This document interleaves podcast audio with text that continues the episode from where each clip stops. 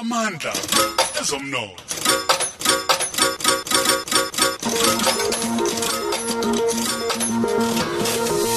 Shabada sikubingelele sikwamukele usubuyile emazweni. Eh sengibuyele vukile ngibingelela kakhulu kuwe Big Kid balaleli bokhoze FM nomthiya sengibuyile impela. Sibheke iGhana Economic Forum ubukade ukuyona eh, ngesonto elidlule nonkosi Besibuka yona iGhana vukile ngeviki edlule ngoba kakhulukazi uma sikhuluma nge ngezwekazi laseAfrika into ekufanele singayikhohlwa sonke isikhathi. Eh besikade sikhona eGhana sibuka ukuthi bangaka abantu bakhona futhi sibheka umnotho waseGhana nanokuthi iGhana ifuna ukuyikhulisa kanjani ngezomnotho. Nanokunye kubalekile futhi ukuthi thina njengama Africa la eSouth Africa ngithi nje thina njengabantu abamnyama eh sinomsebenzi omkhulu kabi ukuthi siyibanda kanye nezwekazi laseAfrika. Ngoba kulamazwe sonke isikhathi uma uhambela kuwo whether elaseGhana noma elaseNigeria noma elaseZambia uzothola ukuthi abantu abagijimela umnotho wakhona abantu bebalela imhlophe kunabantu abamnyama bala eNingizimu Afrika. So besikade sihambele lokho ukuze sikwazi ukuthi sivule neminyango ethile ukuthi ama-Afrika kithi akwazi ukuthi izwekazi lawo leli kumele ayibanda kanye nomnotho waseGhana. Lwaba luhlu hambo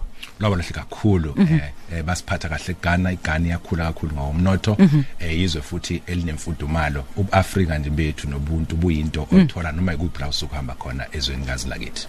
Uyazi nonkosi ngengizwe labantu bekhuluma ngezinto eziningi ezahlukahlukene babone befaka nakuma Facebook page abo abanye uzwe nala emsakazweni bekhuluma. Lento ye network marketing yes. iyini? Isebenza kanjani? Namhlanje noncebo njengoba usushilo i-network marketing eh, asithi nje kokuqala uma ukhuluma nge-network marketing ukhuluma ngohlobo lwebusiness lapho kuyimxhantela wabantu besebenzisana njengobulwembu network njengegama lisho kanjalo. Lapho abantu besuke besebenzisana ukuze badayise imikhiqizo ethile esuke yakhiwe yileyo nkampani. Ozokukhumbula okokuqala efanele masikuqonde ukuthi wonke umuntu okhona emhlabeni ukuthi uyakhokhelwa noma akakhokhelwa uyadayisa ungumdayisi usalesman Mhm. So ukuthi njengoba izinto nje oyigqokayo noyisebenzisayo uye uthi uma uyithandile noma iperfume bese utshela abanye ngayo ukuthi hey une perfume yami emnandi.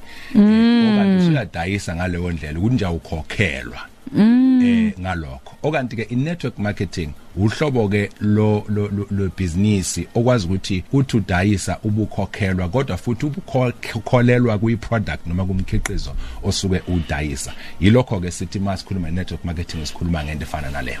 Ibukeka sengathi iyinto e- enkulu le.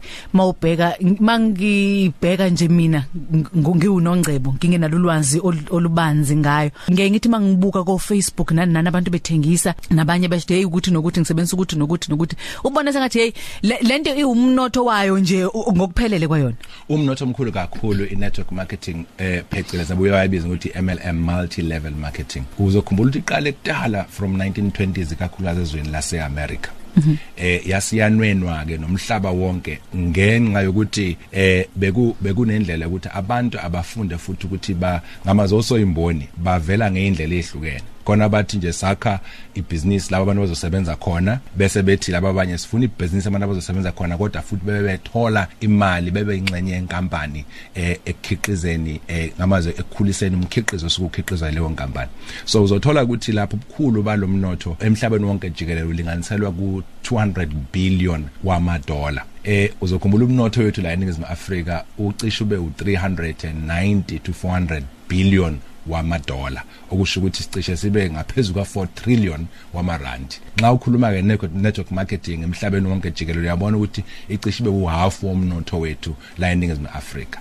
Ingakho abantu abaningi beyibandakanya kakhulu nalolu hlobo lomnotho ukuze bakhulise eh bayikhulise bona. Okokuqala baphinde futhi bakhulise nemikhiqizo labo sobe beyidayisa einkampanini abanye baye babe nokuyingabaza nonkosi. Bayaba ngingabaza ngoba kukhona into eziningi ezifana nama pyramid scheme. Umahluko nga oba khona kwesesikhathi phakathi kwa kwe network marketing ne pyramid scheme. I network marketing esuke iyonqo yilesuke idayisa imikhiqizo ngoba fanele uqala ukholelwe kuyo ngoba vele idayisa imikhiqizo into okwazi ukuyithinta nebonakalayo. Bese bakhona le lezi ezinye izinto ze okhuluma ukuthi abangabaza abasobe ngabaziswa yini. Bakungabaziswa ukuthi kwesesikhathi kuba khona nje amabhanoyi abanye abakubiza amabhanoyi. Eh futhi ke okumangalisayo sike senze ucwaningo lapha nabantu bakithi. Kunabantu abakholelwa emabhanoyini abaziyo futhi ukuthi kufanele ungene lisuka eh ukuze sebayithayima. bayithayima baze bakubuza abanye bathi seyiqaleni yini lento?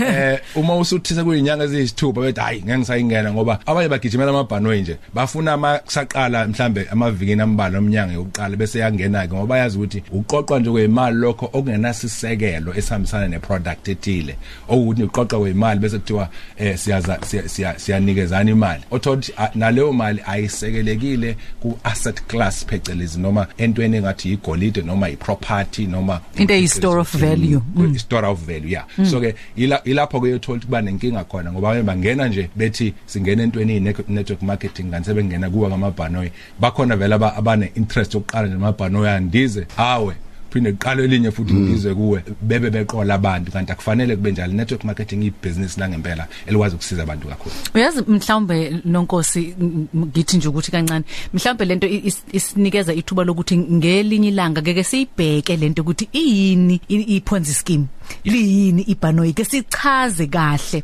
ukuthi kusebenza kanjani ngoba umuntu ungazithola ukuthi up- uphuthelwa yithuba la ko multi level marketing ngoba eyitshela ukuthi ibhanoyi noma ngene ibhanoyi ine yitshela ukuthi multi level marketing kanti sekukhona la ekunqubuzana khona. Kodwa ak- ake sibheke ke nikuhlelile nonkosi ngeke ngabona eh, ubuso bakho buzungeza kwi- kwi eh, kwi mm, social media kuthiwa uzobe sezindaweni thizeni thizeni ukhuluma ngezinto ezahlukahlukene. Ngoba si n- nokuthakasela kakhulu nokufuna ukuthi size abantu abasha eningizimu Afrika kulezi lesikhathi noncebo yazi ukuthi u- amathuba okungaqashwa amakhulu. Eh siyabakhuthaza futhi ukuthi bangene emabhizinisini. Ungene ebhizinisini nakuyona into elula. Njengoba sikhuluma network marketing nje kusuke kuyinto okwazi ukushesha uyiqala ukwazi okungenani ungena ngemali encane ukhulise wakhe eh, isikhwama ukuze ukwazi ukungena ebhizinisini. Namhlanje ntambama ngo half past 4 sobe sisenanda clip eh sizocebisa intsha nge-township economy. Sicebisa futhi ngokuthi bangangena kanjani basebenzisana ne-NYDA ukuthi bakhe ama business plans. Kunendawo kuthiwa iZex Lounge sobe sikhona entambama sizokhuluma nabo beze nje mahala kungenwa mahala ukuze sizokwazi ukubacebisa ukuthi bangenza kanjani ukuze bayithuthukise. Okwesibili kusenjalo mhla ka 28 September soba semajuba banga WhatsApp abalali bokhozi bazoyithola imininingwane ngokugcwele next week. Okanti umhla ka 26 nomhla ka 27 amandla omnotho conference esizoba nesikhathi njengoba sengangishilo sithi ukukhuluma ngayo kabanzi. Sobe siqoqa konke esike sakhuluma ngakho kulonyaka eh, nama speakers amaningi azobevela ngaphandle kwezwe laseningizimu Afrika nangaphakathi. Bonke kusuka kuma petrol ku Petro Connect kuya kuyi property kuya eh, kuyi kuyi- ku- yonke izinto esike sakhuluma ngazo la kulolu hlelo. Sobe siqoqa kuleyo conference kodwa ke zinjalo izinto noncebo inombolo yethu ithi 08222 52217 08222 bangasi WhatsApp abalali bokhozi shobat ngiyabonga kakhulu. Lolu hlelo benilethulela ngelo kwethe izinhle abasethala sisonke senza izinto zenzeke. Ithala lingumboneleli nombolekisi weimali osemthethweni. Vuka nathi. Hashtag Hashtag VMBS. VMBS.